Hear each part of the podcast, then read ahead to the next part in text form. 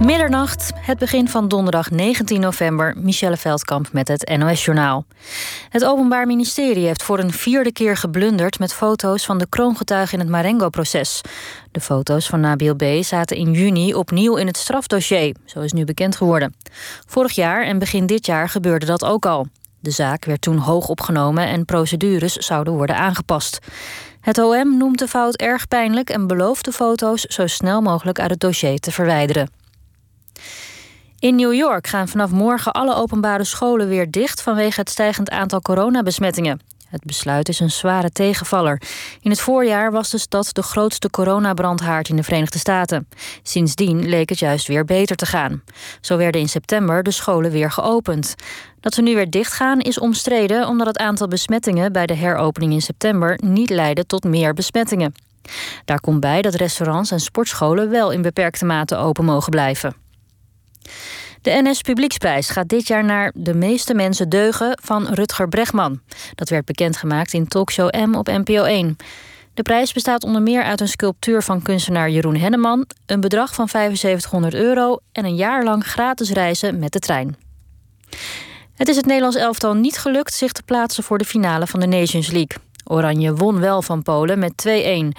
Maar doordat Italië Bosnië-Herzegovina met 2-0 versloeg, gaan de Italianen naar de finale groep.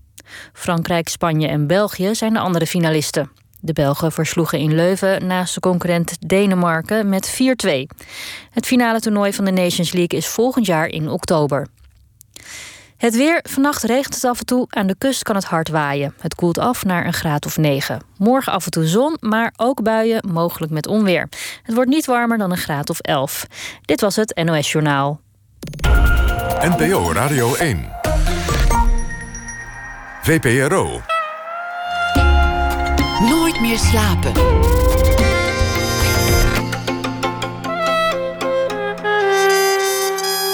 Met Pieter van der Wielen. Goedenacht en welkom bij Nooit meer slapen. Als een jonge fan met een fototoestel en zijn plakboek stond Guus Dubbelman bij het hotel waar zijn held Mohammed Ali sliep. Toen zijn idol langskwam stelde hij een brutale vraag. Die brutale vraag werd niet beantwoord met een klap, gelukkig maar, want een klap van Ali dat is geen pretje. Want buiten de ring was Ali warm en hartelijk. Dus de brutale vraag van Dubbelman leidde tot een uitnodiging van Ali. En na die avond samen volgde een vriendschap die jarenlang zou duren. Guus Dubbelman logeert zelfs bij Ali thuis. Hij maakte foto's, foto's die niemand anders kon maken. We zien een andere Mohammed Ali. Een Mohammed Ali in zijn eigen omgeving. Zachtaardig, vriendelijk, soms kwetsbaar. De verhalen en de foto's zijn gebundeld in een nieuw boek. Ali was mijn vriend. Guus Dubbelman, geboren in 1957, is fotograaf. Onder meer voor de Volkskrant. Guus, hartelijk welkom. Goedenavond. Leuk dat je bent gekomen. Zeker. Wat, wat was dat eigenlijk voor moment? Welk hotel was dat? Waar stond je? Waar kwam, waar, kwam Ali vandaan? Wat was je plan? Nou, ik was die dag uh, zoals een, een, een uh, gehoorzaam kind betaamd naar school gegaan. Het was mijn examenjaar in, op de HAVO in Wageningen. En ik hoorde van vrienden op school dat Ali in Nederland was. En ik ben meteen naar huis gegaan. Ik heb toen gespijbeld, de wet overtreden en naar Amsterdam gegaan. Ik wist dat hij in het Okura Hotel zat. En uh, ik ben er op de Bonnefoy naartoe gegaan, zoals een journalist uh, dat betaamt. En gewacht. En het duurde ongeveer een uur. Ik had er wel gehoord van mensen die daar rondliepen... dat hij met een rondvaart bezig was. En ja, dan zit je daar en op een komen komt die lange man het Okura Hotel binnen. En ja, dan zoek je een moment. En dat, dat kreeg ik. En ik liet hem uh, de plakboeken zien en ontstond een kort gesprekje. En toen, ja, waarom weet ik niet. Toen had ik dus die brutale vraag op mijn uh, tong. En uh, zeg tegen hem van, je bent hier met je vriendin. Dat was Veronica Porsche in die tijd. Hij was nog officieel getrouwd met Belinda Boyd. La, later Kalila Ali. En, en toen zei hij, als er een wesp gestoken, keek hij me zo aan. Hij zegt... Ja, maar mijn vrouw is toen ook vreemd gegaan. Toen ik in Zaire aan het trainen was. Nou ja, toen ontstond er een gesprek. Uh, en ja, dat had hem blijkbaar geprikkeld, dat weet ik niet. Uh, maar het is wel een brutale vraag. Het is eigenlijk, wijs je hem terecht eigenlijk? Zeg je van, uh, Je bent, bent overspelig. Nou ja, goed, dat wist ik misschien al wel. Maar goed, dat. Uh, nogmaals, officieel was ik, ik, kocht in die tijd alles van de man. Uh, waar er ook maar een artikel verscheen. Dat, uh, dat blad kocht ik en dat knipte ik de foto's uit. En het jaar daarvoor was er een groot artikel verschenen in Ebony Magazine. Dat is een groot tijdschrift wat uitgegeven in Chicago. En daar woonde Ali ook toen in die tijd. En ehm, ja, dan zag je mooie foto's van Ali met zijn tweede vrouw, waar hij ook toen vier kinderen mee had. En dat, dat zag er allemaal heel mooi en happy uit. En ehm, ja, blijkbaar was dat dus niet zo. Dus dat, ja, dat wilde ik weten hoe dat er precies zat. En hij legde dat mij uit, hoe dat precies zat. En daarna zei hij, mhm. kom maar mee. Jij, meekomen. Hoe, hoe, ja, nou, dat? De, uh, Ruud de Weijde, eh, die een hele mooie documentaire van Ali had gemaakt... in het jaar dat hij tegen Rudy Lubbers moest... Echt ook een hele leuke documentaire waar uh, Terwijde toen ook een prijs mee heeft gewonnen. Ehm, die had Ali helemaal geswanjeerd. De Avro had hem in zijn bezit. Avro was toen een beetje de bakermat van de boksport in Nederland. En uh, ja, Ali ging naar boven, naar een hapje eten of zo, weet ik niet meer precies. En hij loopt zo bij me weg. Hij draait zich om en zegt van meekomen. Nou, ik volg hem als een, als een, uh, natuurlijk heb ik daar, ga ik daarop in. En ik heb daar toen nog een beetje rondgelopen. Daar is verder niet zoveel uitgekomen. Maar s'avonds laat uh, hebben we echt nog een, uh, zeker een uur in een kring met elkaar zitten praten. Waar ook Veronica bij was. En ja, dat was een heel leuk gesprek. weet je waarom hij dat deed? Iets in jou charmeerde hem, maar wat was het? Nou ja, ik was ik was uh, redelijk goed op de hoogte van, ja, nou alles is een beetje een groot woord, maar ik, ik interesseerde me zeer voor zijn uh, leven, maar ook voor uh, de, de, problemen in Amerika. En dan kon ik ook wel iets, ik, ik las boeken van James Baldwin, van Eric Cleaver, Soul on Ice. Toch een redelijk zware lectuur.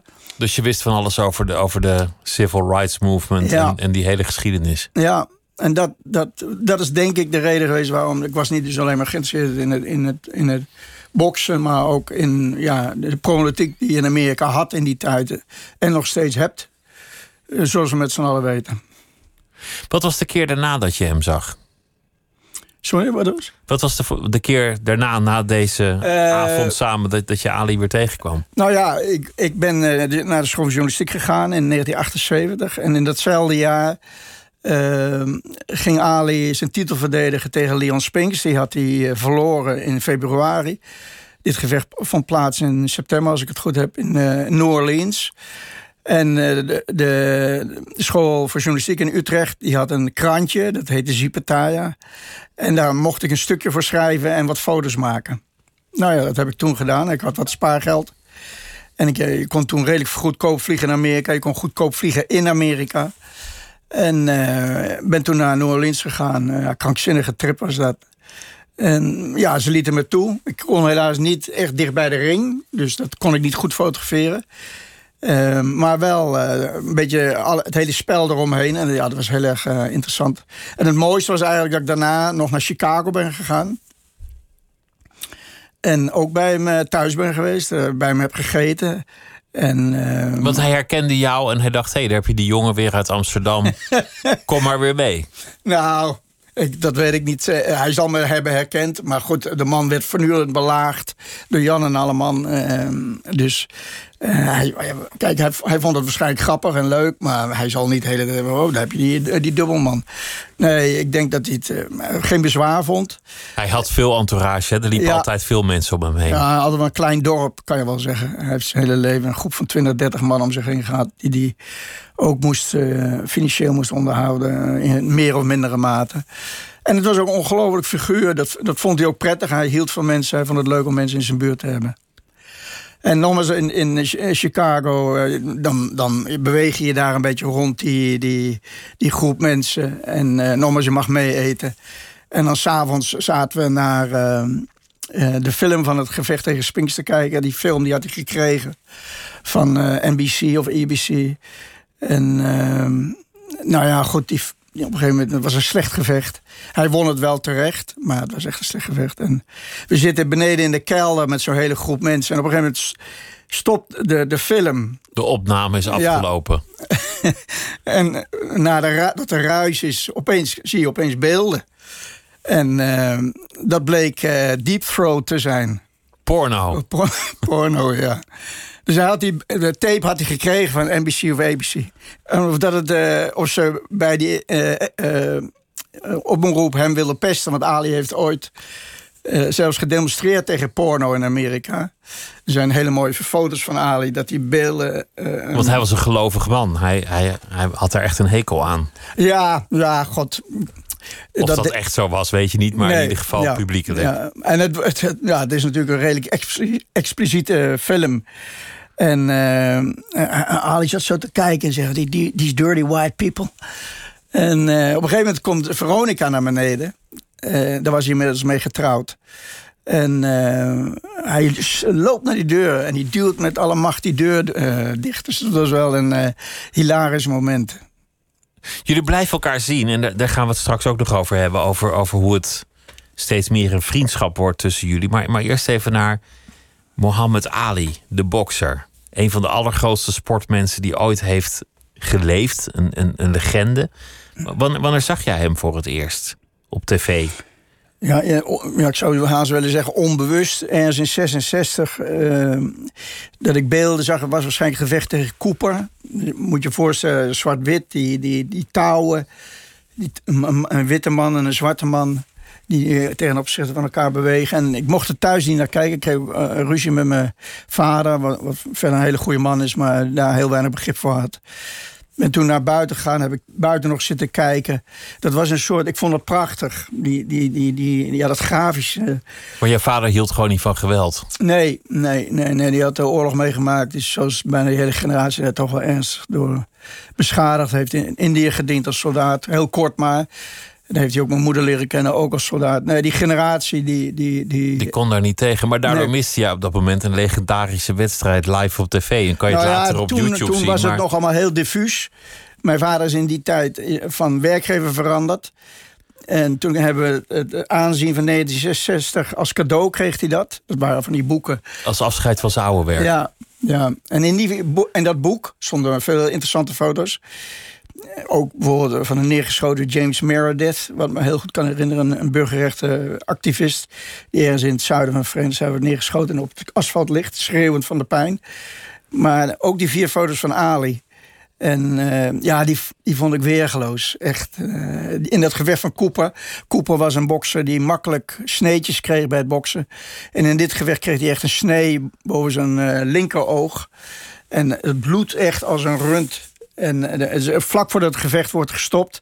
En dan zie je een hele atypische houding. Zie je Cooper die nog probeert met een linkse de hoek uit te halen. En Ali die helemaal voorover gebogen staat om die stoot te ontwijken.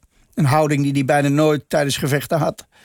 Dat wist ik toen natuurlijk allemaal niet. Maar dat maakte enorme indruk op me.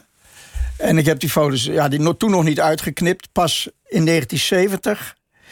Toen uh, Ali drie jaar niet heeft gebokst en hij in 1970 weer terugkwam toen, wij lazen thuis het parool. En uh, die hadden altijd mooie foto's.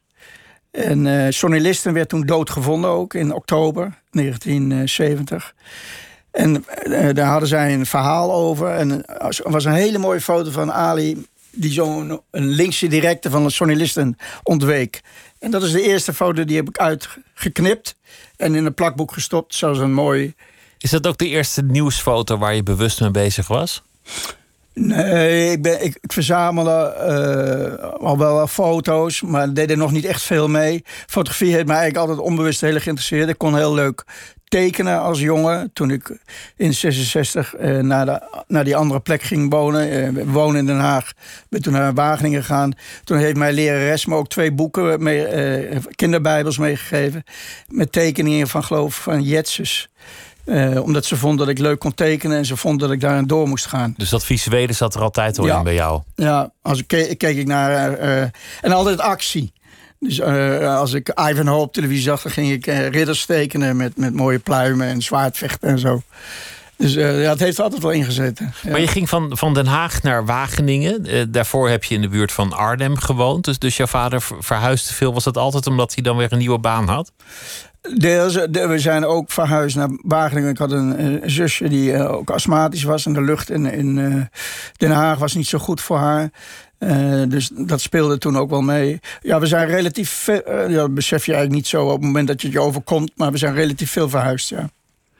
Wat, je zegt over je vader had de oorlog meegemaakt. En je spreekt erover alsof hij nou ja, daar toch, toch wel last van had. Of, of dat het toch nog kwetsbaar voor hem was. Ja, god, eh, hij leeft nog. Hij is, hij is net 93 geworden. Eh, nog steeds als je met hem praat over dat, dat, ja, dat zit zo diep. eh, Dat, dat toch, ik zou dat willen zeggen als wantrouwen naar, naar het systeem. Ja, dat is zo'n rot woord, maar er is iets. deze generatie kon nooit echt ontspannen, vond ik. Veel minder dan wij dat kunnen. Er was spanning in De- hem. ja, altijd spanning. Er was ook spanning in huis. Ja, zeker. zeker. Ja, ja, ja. Mijn, mijn ouders waren goeie, hele goede mensen, allebei. Maar ze hadden een heel moeizame relatie. Ja, maar goed, dat is weer een ander onderwerp.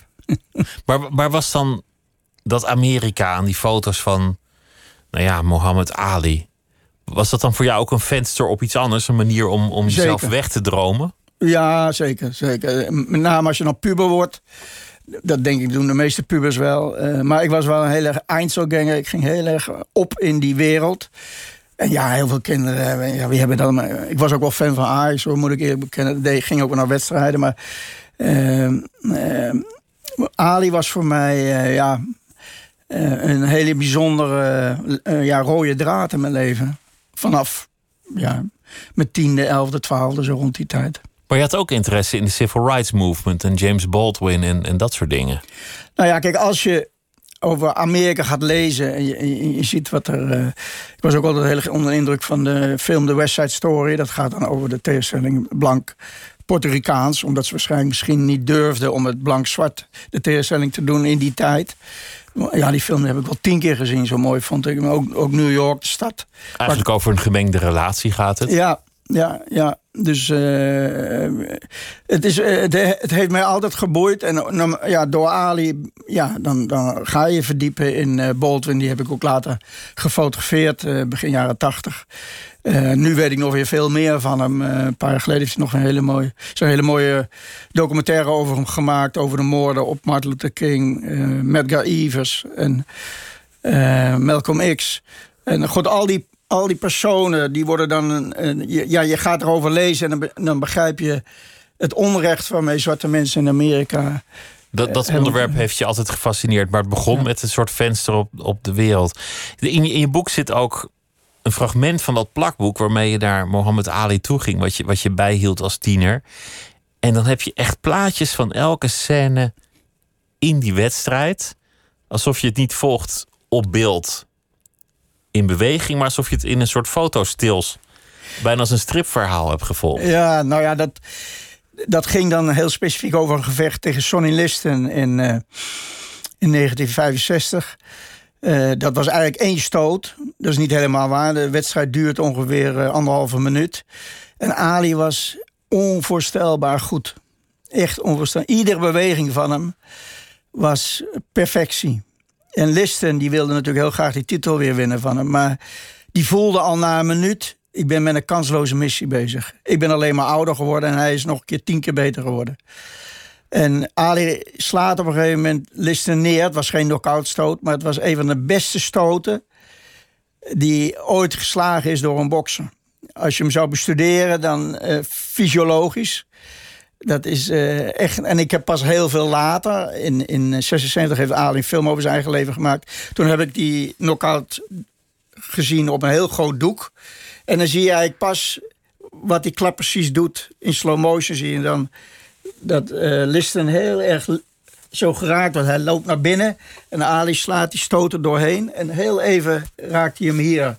En, en, en Liston valt zo naar beneden. En vervolgens gaat Lis, Ali gaat naar Liston toe en die schreeuwt dat hij moet opstaan. En dat is een heel iconisch beeld geworden. Dat is de foto die je eigenlijk het meest ziet van, van. Ali. Ja, Die swiepende beweging van kom op man, sta op, wees een vent. Ja, ja, nou ja, dat was. Er speelde natuurlijk rond dat gevecht enorm veel emoties. Want Malcolm X was net vermoord. Er was sprake van dat er misschien een aanslag tijdens dat gevecht gepleegd zou worden. Dus Ali was heel erg gespannen. Uh, Listen had er misschien ook geen zin meer in, dat weet ik allemaal niet. hij kijkt Ali aan, dus je ziet dat zijn ogen niet glazen zijn. Maar de techniek waarmee hij geraakt wordt, dat was echt onvoorstelbaar. En Listen wist, als ik hiermee doorga, dan uh, kijk een paar slagen zoals ik het nooit heb gehad. Dus, Die wedstrijden gaan heel snel. Soms zijn foto's duidelijker dan, dan bewegend beeld. Geldt voor veel dingen. Ja. Eén zo'n shot kan veel meer vertellen dan wanneer je naar, naar het filmpje kijkt. Ja, ja nou ja, dat is. Ik, ik, nogmaals, als ik uh, in het ministerie van Onderwijs zou zitten, dan zou ik uh, uh, veel meer willen doen met leren kijken naar beelden. Ik doe het mijn hele leven en het is een, iets wat nooit stopt. Fotografie is een, een hele mooie. Filmen ook hoor. Schrijven natuurlijk ook. Maar filmen of kijken naar stilstaand beeld, schilderijen, maakt eigenlijk niet zoveel uit. Dat is een van de mooiste dingen die je kan doen in, in je leven omdat al het andere voortdurend beweegt. En daardoor zie je eigenlijk minder. Je moet, Juist. moet één seconde Juist. stilzetten en dan goed analyseren. Ja. Ali, Ali is een, een fenomenale bokser geweest. En, en sommige momenten zijn legendarisch. Bijvoorbeeld tegen Foreman in Zaire in 1974. Dus, er zijn twee films over dat gevecht gemaakt. Eén over de muziek en één over de, over de wedstrijd zelf. Waarin hij eigenlijk zijn tegenstander uitdaagt door gewoon zo min mogelijk te doen. En laat die ander zich gewoon helemaal moe meppen op dat lichaam. Ja, dat, eh, kijk, nu, nu kijk, omdat hij heeft gewonnen, eh, denkt iedereen van ja, maar het was een hele riskante strategie. Die wel uh, van tevoren waarschijnlijk heel goed is uitgedokterd door Ali. Waarschijnlijk is hij jaren mee bezig geweest uh, in zijn hoofd om het op die manier te doen. Want hij hing in de touw en zei: Kom dan, ik voel niks. Is dat alles wat je hebt? Ja, hij had ontdekt dat Foreman, wat een ongelooflijk sterke gozer was. Uh, uh, die, die, ja, Fraser sloeg hij twee keer. Heeft hij twee keer verslagen. In het eerste gevecht slaat hij Fraser zes keer neer. Ali heeft uh, 45 ronden tegen Fraser gebokst. Ik kreeg hem niet eens een keer met één knie op, op, op, de, op het canvas. Dus Ali wist genoeg van de boksport om te weten hoe gevaarlijk Foreman was. Hij was groter dan, dan Ali. Uh, hij was veel jonger als Ali. Dus Ali moest iets bedenken om hem te determineren, om hem klein te krijgen. En uh, nou ja, daar heeft hij in sparringsessies zie je hem in de loop van de jaren na dat gevecht toe, zie hem steeds meer uh, accenten leggen op bepaalde defensietechnieken.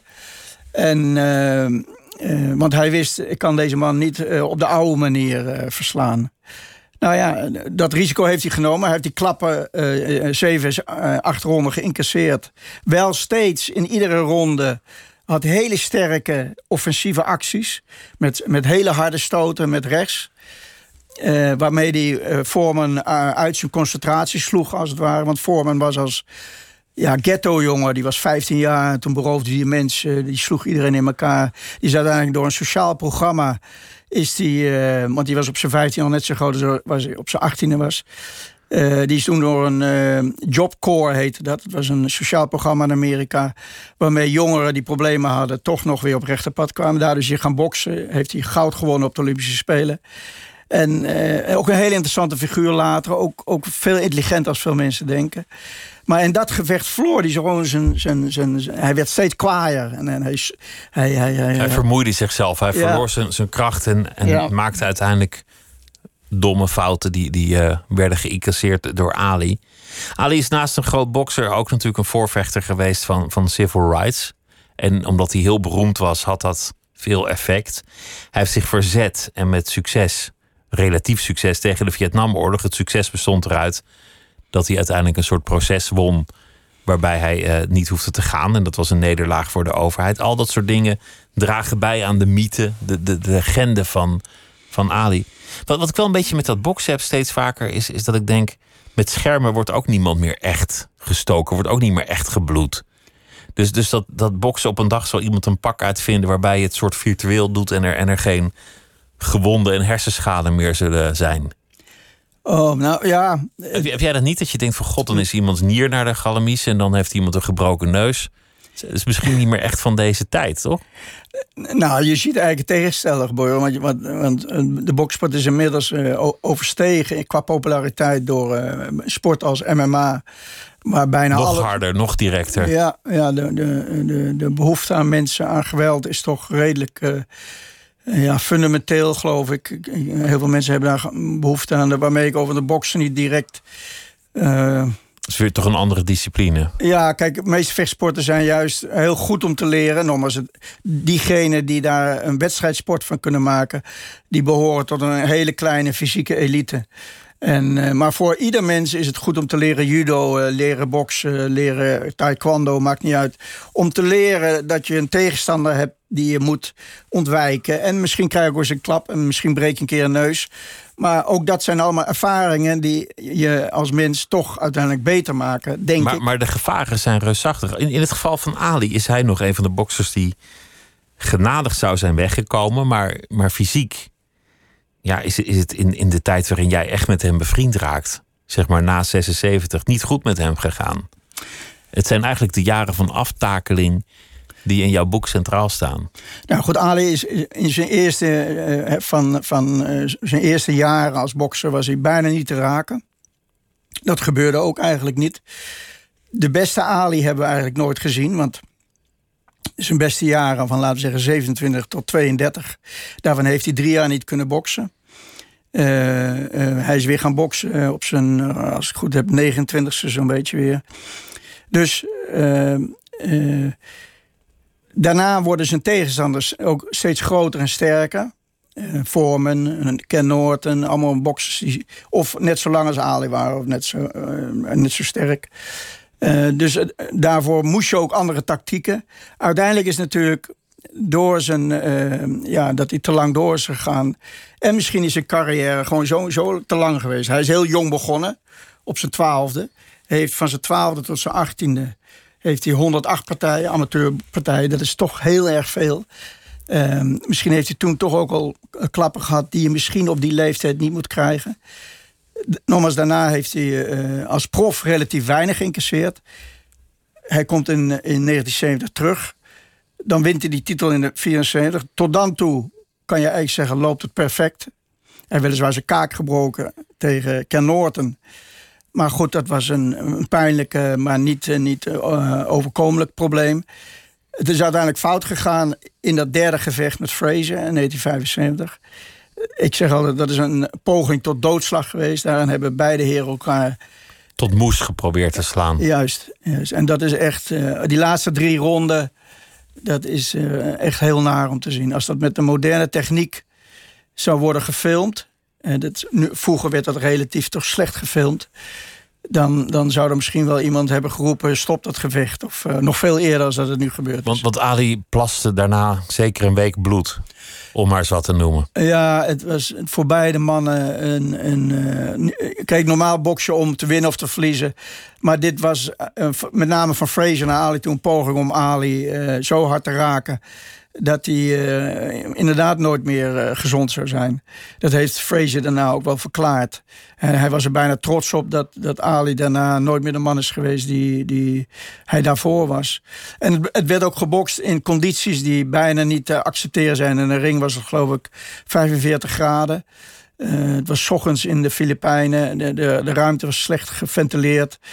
Dus uh, beide lichamen werden ook helemaal door, de, door ja, vocht helemaal uitge, ge, ja, gesloopt.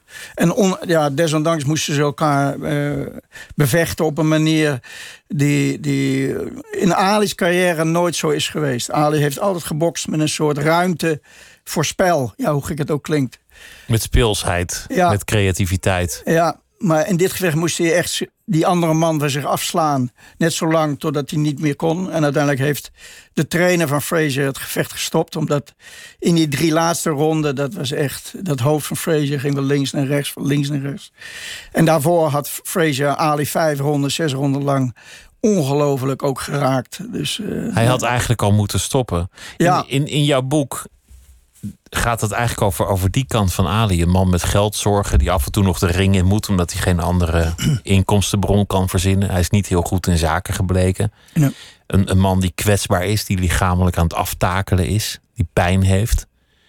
Een, een man die onvoorstelbaar vriendelijk en lief en zacht kan zijn. En jij komt heel dicht bij hem. Dat, dat je daar logeerde bijvoorbeeld. Hoe, hoe kwam dat, dat jij ineens een kamertje kreeg? Nou ja, de, ik, ik, uh, uh, ik was in 80 bij het gevecht tegen Holmes, waar hij ook veel klappen heeft gehad. Uh, daarna was Ali in Duitsland voor een commerciële bijeenkomst. Toen heb ik hem ook nog even ontmoet. Nou ja, dat vond hij toch al die keren interessant. In, in Las Vegas heb ik na het gevecht nog bij hem in de kamer gestaan. En toen zei hij tegen me: Als ik ooit in de, in in de goot kom, help je me dan?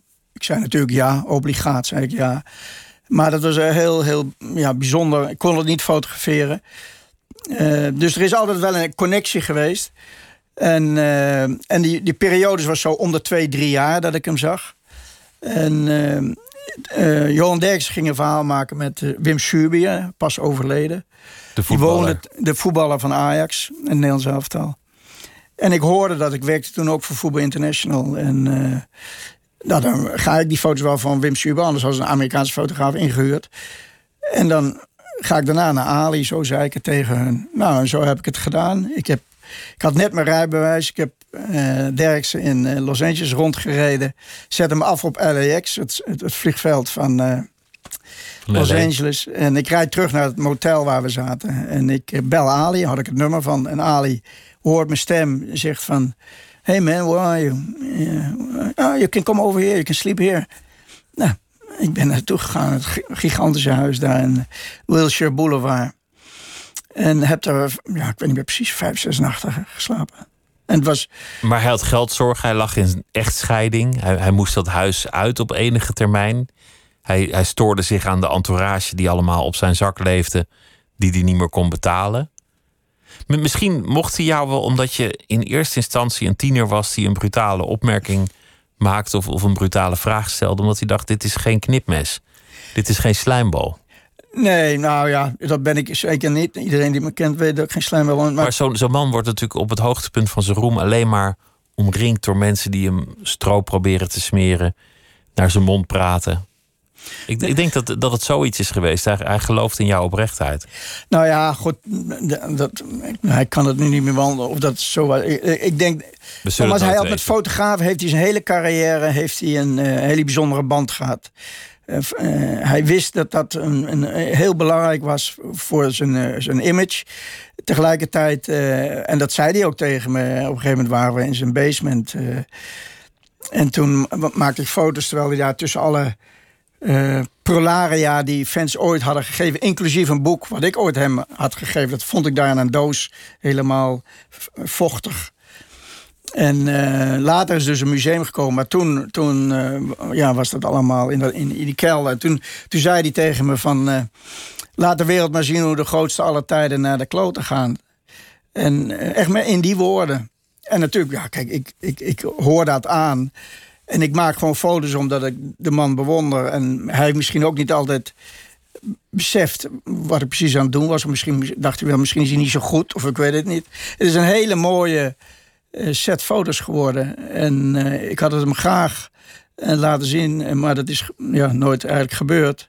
Maar het is echt een mooie set foto's geworden. De, de mooiste foto is, en dat, dat vind je zelf ook... is als die zit te bidden op de grond in, in dat, dat reusachtige huis. En hij zit daar in zijn eentje in concentratie te bidden. Een hele intieme foto. Eigenlijk doe je dat niet. Een foto maken van iemand die zit te bidden. Althans, ja, van mij mag alles. Maar dat, dat, lijkt me een soort moment van sereniteit. Maar hij gaf toch, ondanks dat hij met, uh, met het hogere in gesprek was, met Allah, gaf hij toch een, een knikje van: oké, doe maar. Ja, hij, eh, nogmaals, hij stond altijd heel vroeg op. Ik ben zelf niet zo'n... Early riser. nee. Uh, maar goed, ik ben daar en het was prachtig weer. En ja, het is eigenlijk allemaal ongelooflijk. Als ik nu weer aan denk, dan is het allemaal een beetje... Het lijkt wel fictie. Maar uh, het was echt. En ik liep in dat huis rond en ik zag hem in, in die kamer bidden. Dat was voor de eerste keer. En ja, ik weet niet wat ik... Dus ik maak eerst wat foto's van de buitenkant... En uiteindelijk durfde ik die kamer binnen te gaan. En hij zei heel streng, only once. En nou goed, dat heb ik ook snel gedaan. Want ik voelde natuurlijk wel, dat, uh, en dat is de kunst als je dit soort fotografie wil doen. hij laat ontzettend veel toe, maar je moet ook niet de hele tijd maar zo iemand lastigvallen. Dus binnen die, dat raamwerk ja, kon ik toch heel veel maken. Maar ik heb ook dingen niet gemaakt. En een van de beelden die ik niet heb gemaakt, die, daar word ik nog wel eens wakker van. Was dat we naar een moskee gingen. Die, dat was een omgebouwde garage. En stonk nog helemaal naar, uh, naar smeersel en zo. Mensen waren verschrikkelijk aardig. En uh, Ali loopt naar binnen. De voorganger was al bezig. Ali loopt naar rechts. Hij heeft een mooi zwart shirtje aan. En hij gaat in, tegen de muur zitten met allemaal zwarte jongens. Dat leek wel Afrika, zo dat gevoel. En uh, voor het eerst zag ik hem helemaal zo... Ja, één met de situatie. Uh, met, met, met zijn gevoelens en zo. En ik denk, goh, wat een mooie foto. Maar ik heb hem niet gemaakt, omdat ik wist niet... Ja, mag dat, kan dat? En, want ja, het was natuurlijk stil. En als je dan zo'n klik hoort, dan, dan is dat, kan dat heel storend zijn. Elke fotograaf heeft zijn mooiste foto die hij niet heeft gemaakt. Dat ja. zijn eigenlijk al nog mooiere verhalen dan de foto die ze wel hebben gemaakt. Ja, ja. Misschien is dat ook wat bestaan, dat het mooier is als je het niet doet. In je, in je hoofd, in je geheugen. Ja. Maar die foto van Ali, die bid, dat gaat eigenlijk over niet dat moment van glorie van die zwiepende beweging van sta dan op man als die gewonnen heeft niet de Ali die wel bespraakt zijn, zijn poëzie rapt. Van uh, Sting like a butterfly of, of wat was het? Ja, float like a butterfly, sting, like, a, like bee. a, bee.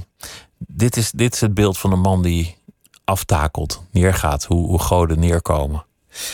Ja, ik, ik denk dat hij dat, als je alle beelden van hem bestudeert in zijn hele leven, dat hij waarschijnlijk altijd heeft gedacht: zo gaat het ook eindigen met me omdat hij. Dit kan niet eeuwig goed gaan. Nee, en, en hij wist ook de krachten die tegen hem waren. Uh, dat die niet, niet mis uh, zijn geweest. En uh, bedoel, als je ziet alle mensen die, waar hij mee bevriend was, die, die Sam Cooke vermoord, Malcolm X, Malcolm X vermoord. Ehm, ook mensen die wij misschien niet zo goed kennen. Ehm, het, het, geweld in, in de samenleving waar hij woont. Dus hij heeft altijd beseft, het kan zomaar afgelopen zijn. En ook andere dingen zijn gebeurd. Er is ooit een man met heel veel geld bij hem weggelopen. Miljoenen dollars schijnt. Um, een heel raar verhaal. Ik heb er nooit echt duidelijk gekregen wie dat was, waarom dat was. Um, de, het is een, een, uiteindelijk een, een heel tragisch verhaal, toch? Want hij heeft toch bijna 35, eh, 40 jaar lang. Uh, een hele, ja, toch bijna een diepe, in een diepe depressie geleefd. Als je zo'n hoog leven hebt gehad daarvoor. Uh, en je moet dan al die jaren zo dat weg zien glijden. Dat moet heel erg moeilijk zijn geweest. Maar door zijn, uh, ja, zijn, zijn vierde vrouw heeft hem heel erg geholpen. En zijn geloof. En zijn geloof. Hij, hij, hij vertelde me uh, het staat niet in het boek. Ik weet ook niet eens waarom niet. Maar hij vertelde me toen hij bij hem thuis was, ook s'avonds. En de gesprekken die ik met hem had, die waren nooit lang. Het was allemaal soundbites, zou ik haast willen zeggen. Korte uh, uh, gedachtenwisselingen. En toen zei hij op een gegeven moment zei ik, tegen hem... Hoe belangrijk is het geloof voor je? En toen zei hij, if I had my religion, I might have committed suicide. dus het, geloof is voor hem een hele eh, belangrijke steunpilaar geweest. Een heel groot deel van zijn, van zijn leven. Hij heeft uh, in, in zijn jonge jaren, toen hij nog onder de naam Cassius Clay uh, door het leven ging, een plaat gemaakt, deels, deels spoken word. Een, een duet met Sam Cooke ook. En hij heeft ook zijn versie opgenomen, want hij dacht, nou ja, ik kan, ik kan alles. van Ben E. King's grote hit Stand By Me. En, en nou ja, het is, het is niet zo goed als Benny King. Maar als je dit hoort, denk je, nou ja, voor, voor, een, voor een bokser. Ik bedoel, ik had Benny King nog wel in de ring willen zien staan. Uh, laten we luisteren.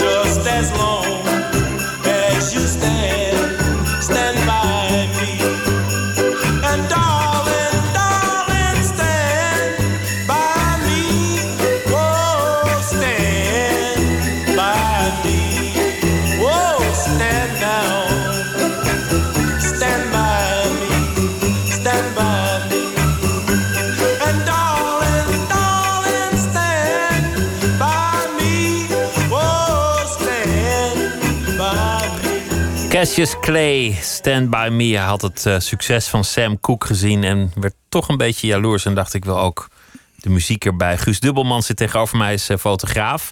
En hij heeft een boek geschreven over uh, de tijd die hij doorbracht in de omgeving van Muhammad Ali. Ali was mijn vriend, heet dat boek met foto's zoals we Ali zelden gezien hebben. Je, je, je zei net een, een aantal dingen over, over je eigen bestaan. Namelijk, er was thuis spanning. Dat had te maken met je vader die nooit helemaal zijn draai had gevonden. Die, die uh, de oorlog had meegemaakt. Jullie verhuisden vaak. En jij had je plakboeken. Je, je, keek naar het aanzien van, wat was het, 1966. En, en je, je kwam in aanraking met nieuwsfoto's en de kracht van beeld. Je was goed in beeld. En je raakte enorm bevlogen. Jouw venster op de wereld, dat werd Amerika. Maar niet zomaar Amerika specifieker. Eigenlijk zwart Amerika de, de, de Afro-Amerikaanse cultuur werd als tiener jouw grote fascinatie. Dat, dat is heel wonderlijk. Dat, dat een jongen uit, uh, ja, waar, waar woonde je, Wageningen, ineens helemaal bevlogen raakt door, door wat er daar gebeurt. Ja, god. Uh, Ali was daar natuurlijk een, een eh, prachtige spooksman uh, voor. Uh, zowel in woord als gebaar, als alles wat hij was. Maar het was natuurlijk ook het hoogtepunt van, van soulmuziek. De, de, Supremes, The Three Degrees, Isaac Hayes. Otis Redding, ja, we, we kunnen uren doorgaan. Ja, dus dat, en mijn generatie is echt... natuurlijk ook met de Beatles en met de Stones en de Who, noem het allemaal maar op ja, voor het eerst uh, kon jeugd zich uh, ontwikkelen. Televisie was heel belangrijk in die tijd. en die beelden, ja, dat, dat is iets nog steeds. als ik er naar kijk, um, ja, maakt het me, hoe gek het ook klinkt, ja, heel gelukkig, heel blij. Dus, en natuurlijk in het geval van Zwart-Amerika, ja, er zijn ook heel veel tragische verhalen. Ik weet dat ik op de journalistiek schooljournalistiek in Utrecht was, dan zag ik een boek in de bibliotheek staan met een foto van uh, drie verbrande zwarte mannen nog na de Tweede Wereldoorlog. Een gruwelijke foto met allemaal mensen die eromheen staan. Alsof ze een trofee hadden bemachtigd. Dus, dat is Amerika ook. Uh, het land wat ons bevrijd heeft van de nazi's. Ook bevrijd heeft van de nazi's. Dus uh, mijn moeder kwam uit Arnhem. Uh, de, de brug in uh, Arnhem was een paar honderd meter van haar huis. Moest geëvacueerd worden. Dus mijn moeder was heel sensibel als het ging over geweld. En over, had ze allemaal met eigen ogen gezien. En mijn generatie, jouw generatie, onze generatie... is in, in gelukkig in vrede opgegroeid. En, maar als je dan beelden ziet, zoals ik die toen zag ja, dan denk je, hoe is het mogelijk? Want dat waren de bevrijders die, die toen, zeker in de jaren zestig, nog op handen werden gedragen van Amerika. Hebben, ze hebben ons bevrijd, dus dat is toch het land van het goede. En dan tegelijk ziet, ziet die generatie daarna de Vietnamoorlog, maar ook dat raciale geweld. En denkt, hoe, hoe kan dit? Hoe kan het land dat het goede brengt zoveel rotzooi in huis hebben? Zoveel, zoveel dingen niet, nou ja, zoveel geweld voortbrengen, zoveel slechtheid voortbrengen. Ja. De, je, hebt, je bent getrouwd eh, met, met een Surinaamse toen je jong was. Dat zit ook nog in het boek. Die heeft Ali nog ontmoet. Je krijgt een dochter, maar je hebt, je hebt inmiddels meerdere dochters bij meerdere vrouwen. En daarna nou, ook meerdere vriendinnen gehad. Maar... Ja, ik heb, ja, God, ik heb, ik heb een uh, redelijk uh, apart leven geleefd. Uh, niet op alles. Ik heb geen spijt, maar ook ja, sommige dingen die gebeuren. Ik heb drie uh, kinderen hier in Nederland. Uh, die allemaal inmiddels dik voor zijn. Mijn oudste dochter is 40. Dan heb ik nog een dochter van 37 en een zoon van 29.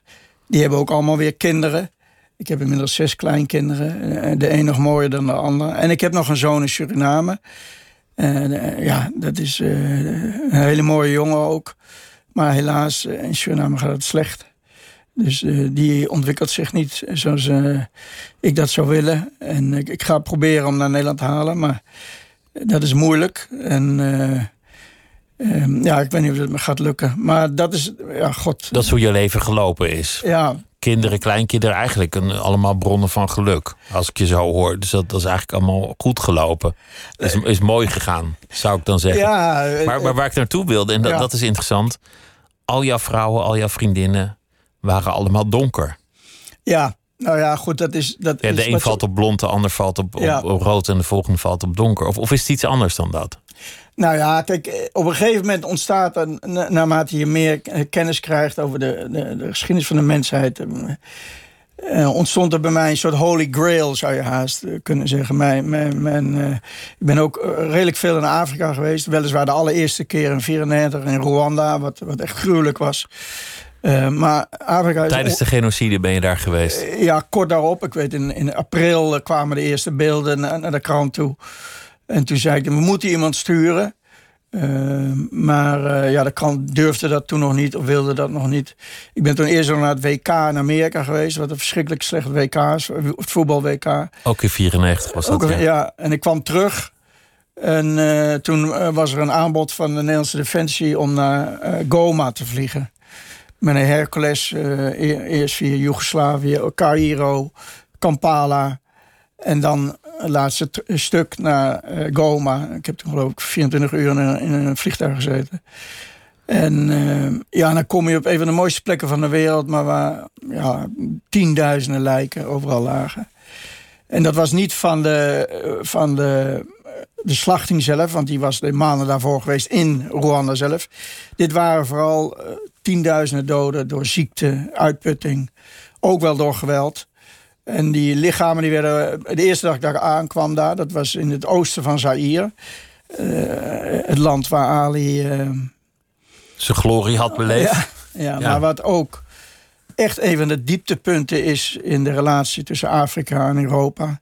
Wat daar gebeurd is de afgelopen 150 jaar, de, de word je, als je daar een beetje op studeert, dan dat is werkelijk zo mensonterend wat daar gebeurd is. Massamoorden, noem maar op. Ja, het is wat. wat Uitbuiting. ja, en nog steeds. Het, het, het is. eh, ja. Maar goed, je, je komt in, in, in Rwanda, wat door velen die er zijn geweest is omschreven als het paradijs op aarde als je het hebt over landschappen. Ja, Een prachtig groen land. Het lijkt En- dat je in een open uh, hortus bota- botanicus woont, leeft. De, de, de planten zijn zo groot. als- ja, eh, echt. De, de hele prettige temperatuur, want het is bijna twee kilometer hoog. Dus je zit midden in Afrika, maar de gemiddelde temperatuur is overdag eh, rond de 20, 25 graden. Eh, echt, eh, en het is vulkanisch gebied. Dus een hele vruchtbare grond. En dan zie je daar iets traumatisch, namelijk tienduizenden lijken. Ja, Ik heb, ik heb dat godzijdank nooit gezien en de meeste mensen niet. nee.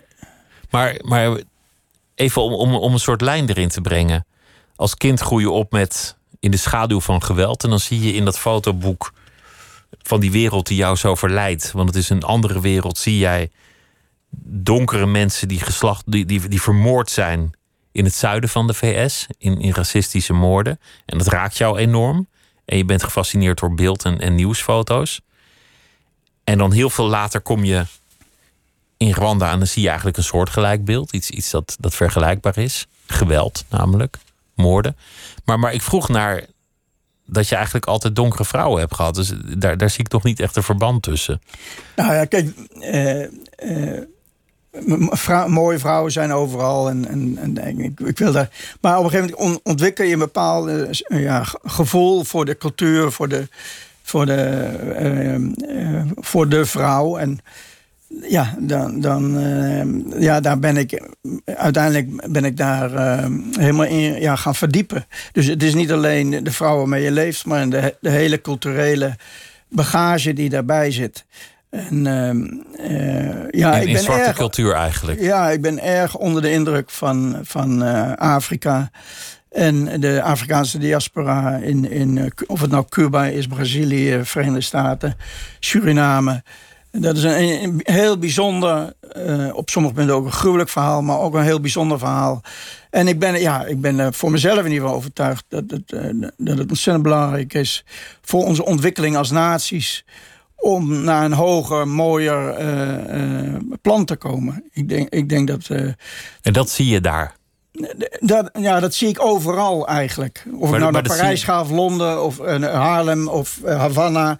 Of, eh, nu, kijk, nu komen ook veel Afrikanen naar Nederland. En uiteindelijk hoop ik dat, die, die, die, dat het heen en weer gaat. Dat wij naar Afrika makkelijk gaan en Afrikanen makkelijk naar Europa komen. Omdat wij beide culturen hebben elkaar heel erg hard nodig om naar een hoger, betere samenleving te komen. Dus je hebt een soort beeld van een betere samenleving, van, van, van, een, van een, nou ja, een mens die beter doet in de wereld dan de mens tot nu toe gedaan heeft. En dat, dat projecteer je op de een of andere manier op de afro-cultuur of de, of de afro-diaspora-cultuur. Ja, nou ja, het liedje waar we net naar zitten te, te luisteren, uh, dat is, daar zit zoveel in. En daar, uh, ik weet niet of het Nietzsche is, hè, dat, dat muziek uh, de mensheid kan redden of zo. heeft hij ooit gezegd. Muziek, doordat het op zoveel manieren tot ons komt. en dan hebben, dat geldt ook voor Beethoven of Mozart, dat maakt allemaal niet uit. dat, dat verrijkt je leven zo enorm. Maar daar, daar past ook dat hele verhaal bij. Het is niet alleen maar die muziek, dat maak je niet in een laboratorium of zo. Dat is iets wat uit de samenleving komt. Met alle pijn en verdriet en problemen die er zijn. Daar zit, in de soulmuziek zit veerkracht. Daar zit, daar zit dat je toch, ondanks alles wat je is aangedaan en ondanks de geschiedenis die die mensen en hun, hun ouders en voorouders hebben meegemaakt, dat, dat er iets moois kan ontstaan. Ja, de geschiedenis die, is iets die we samen hebben. die is die, die, uh, uh, Ali zelf is, is een product, ja, is een mens die, die alles in zich heeft. Indiaans bloed, blank bloed, zwart Amerikaans bloed. Afrikaans bloed dus. dus hij is de, de mengeling van, van de hele wereldbevolking. En uh, ja, god, dan komen we misschien op een, een, zijpad. En dan moet je bij mij altijd een beetje mee oppassen. Ik, was ooit een keer in Kenia uh, voor een reportage. En uh, er was een politiek onderwerp. En die kerel die kwam niet opdagen, was, een, was een, iemand van de oppositie. En in dat dorp, een heel vervelend dorp was dat. liepen mensen of geheime dienst of politie. mijn chauffeurs die, die wisten dat niet precies. Zagen er een beetje grimmig uit. En die kwamen op een gegeven moment naar mij toe. En die begon een beetje tegen me te zeiken. En toen begon ik tegen ze te... Ja, ik ging er overheen. Een beetje bij de hand.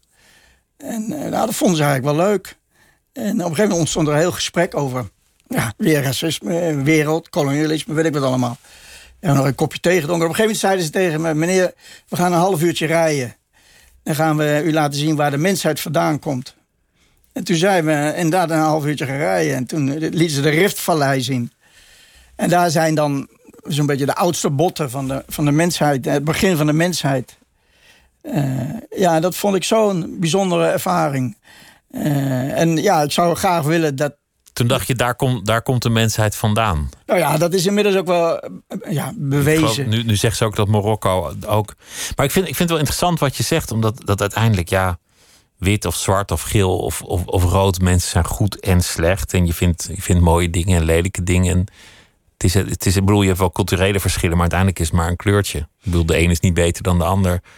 Nee, en, uiteindelijk komt er evenveel rottigheid uit, uit elke cultuur. Nee, nou, toevallig hoor ik net dat dat boek van uh, Rutger.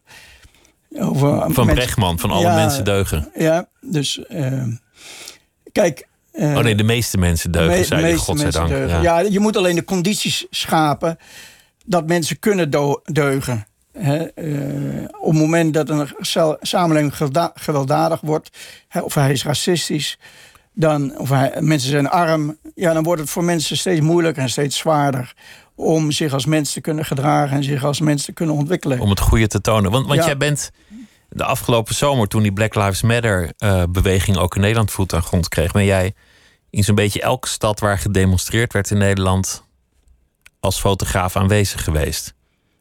Ja. Wat was dat voor project? Nou, dat is niet zozeer een project. Eh, de, de, de, krant sloeg de plank een beetje mis bij de allereerste op de Dam in Amsterdam. Er waren overigens twee van mijn dochters, dat wist ik niet. Maar ik, eh, ik had de krant erop gewezen dat die demonstratie er was. Uh, dat was op zondag.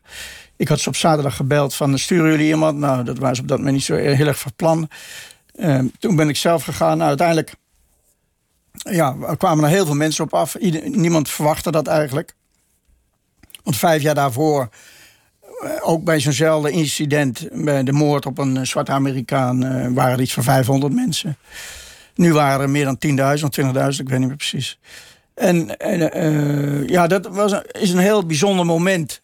Eh, en ja, de krant heeft het toen niet goed gedaan. Ja, dan ben je ook een beetje eh, ja, boos. maar goed, dan herstellen ze het daarna door al die andere dagen wel goed te doen. En daar hebben ze mij toen voor gevraagd om dat goed te doen. En dat heb ik ook mooi in beeld gebracht.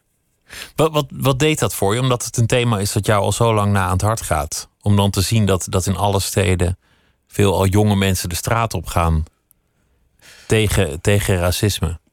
Nou ja, dat laat zien hoe, hoe, hoe sterk media nu werken. Hè? Hoe, hoe, hoe diep. Kijk, bij de moord op eh, Martin Luther King kan me herinneren. Ja, die foto, er was wel een foto van. Je ziet hem in een plas bloed liggen. Op het, uh, maar het was allemaal waar. Hè. Is toen ook wel gedemonstreerd in Nederland hoor, overigens. Uh, maar nu is Nederland zelf een multicultureel land. er wonen nu in de grote steden echt heel veel mensen uit, uit de hele wereld. Uit Afrika, uit, Suriname, uit Antillen. Uh, kinderen die hier geboren zijn. Dus mensen voelen als ze dat beeld zien van wat er met George Floyd is gebeurd. En dat, is, dat gaat al jaren zo in Amerika. Echt ieder jaar tientallen. Alleen dit keer was het beeld zo overtuigend, zo gruwelijk. Dat ja, daar moet je als mens wel op reageren, zelfs in coronatijd. En daarna is ook de transcriptie van uh, Floyds uh, aanhouding naar buiten gebracht. Die is mogelijk nog chockerender. Want in de hele transcriptie. Dat hij tientallen keren vroeg. Ja, ik kan niet ademhalen, kan je je been weghalen. Ja, en nooit grove taal gebruiken. Het was een groter kerel. Dus, maar of dat hij voelde instinctief dat, dat hij nu wereldgeschiedenis werd of zo, ik weet het niet. Uh, maar hij, hij was ja, bijna sensibel naar die gasten toe. En uh, ja, dat is het bewijs dat je in je samenleving altijd ervoor moet zorgen dat, uh, en nogmaals politiemensen in Amerika, dat is echt een, rotbaan. Ik ben zoveel in Amerika geweest. Ik heb zoveel nare dingen meegemaakt. En dat is echt, eh, dat zit daar gewoon niet goed. Gewoon fundamenteel niet. En dan krijg je dit soort uh, incidenten. En ja, die kunnen leiden tot de meest ernstige maatschappelijke ontwrichting die je kan voorstellen. Toch leek het een moment dat de hele wereld zei: nu, nu moet er iets veranderen. Nu pikken we het niet meer. Ja, dat, dat, dat zegt de wereld. Maar om het te veranderen, dan moet er aan heel veel dingen moeten gaan veranderen. Onderwijs, eh, de onderkant van de arbeidsmarkt. Eh, God, je kan de hele, alles wat de laatste, wat in Amerika altijd al verkeerd is geweest, maar wat nu in Europa ook doordat we toch te veel Amerika zijn gaan volgen in ons economisch systeem. Uh, we moeten gewoon de mens centraal zetten in onze beslissingen en niet de economie. Maar goed, dat zeg ik makkelijk. En mijn vader heeft me altijd geleerd: armoede kan je niet verdelen. Uh, maar de Nederlandse economie is bijvoorbeeld de laatste twintig jaar verdubbeld in omvang. Ik weet dat Robert Kennedy, vlak voor hij werd doodgeschoten in 68, toen was de Amerikaanse economie geloof ik 800 miljard dollar. Dat is nu alleen het defensiebudget. En hij zei, en toch hebben we armoede in Amerika. En dat is een verdelingsvraagstuk. Juist, ja. En dat, en dat, is in, een, een, een, dat zijn de keuzes die we iedere dag als burger maken. Ali was mijn vriend, heet het boek over uh, je vriendschap met Mohammed Ali. En het is een, uh, een, een, boek met weergaloze foto's van een uh, ontzettend bijzondere sportheld. Die je goed gekend hebt. Guus Dubbelman, dankjewel dat je langs wilde komen. Het was mij een, een genoegen. En zometeen kunt u luisteren naar Miss Podcast. Op Radio 1, het nieuws van alle kanten.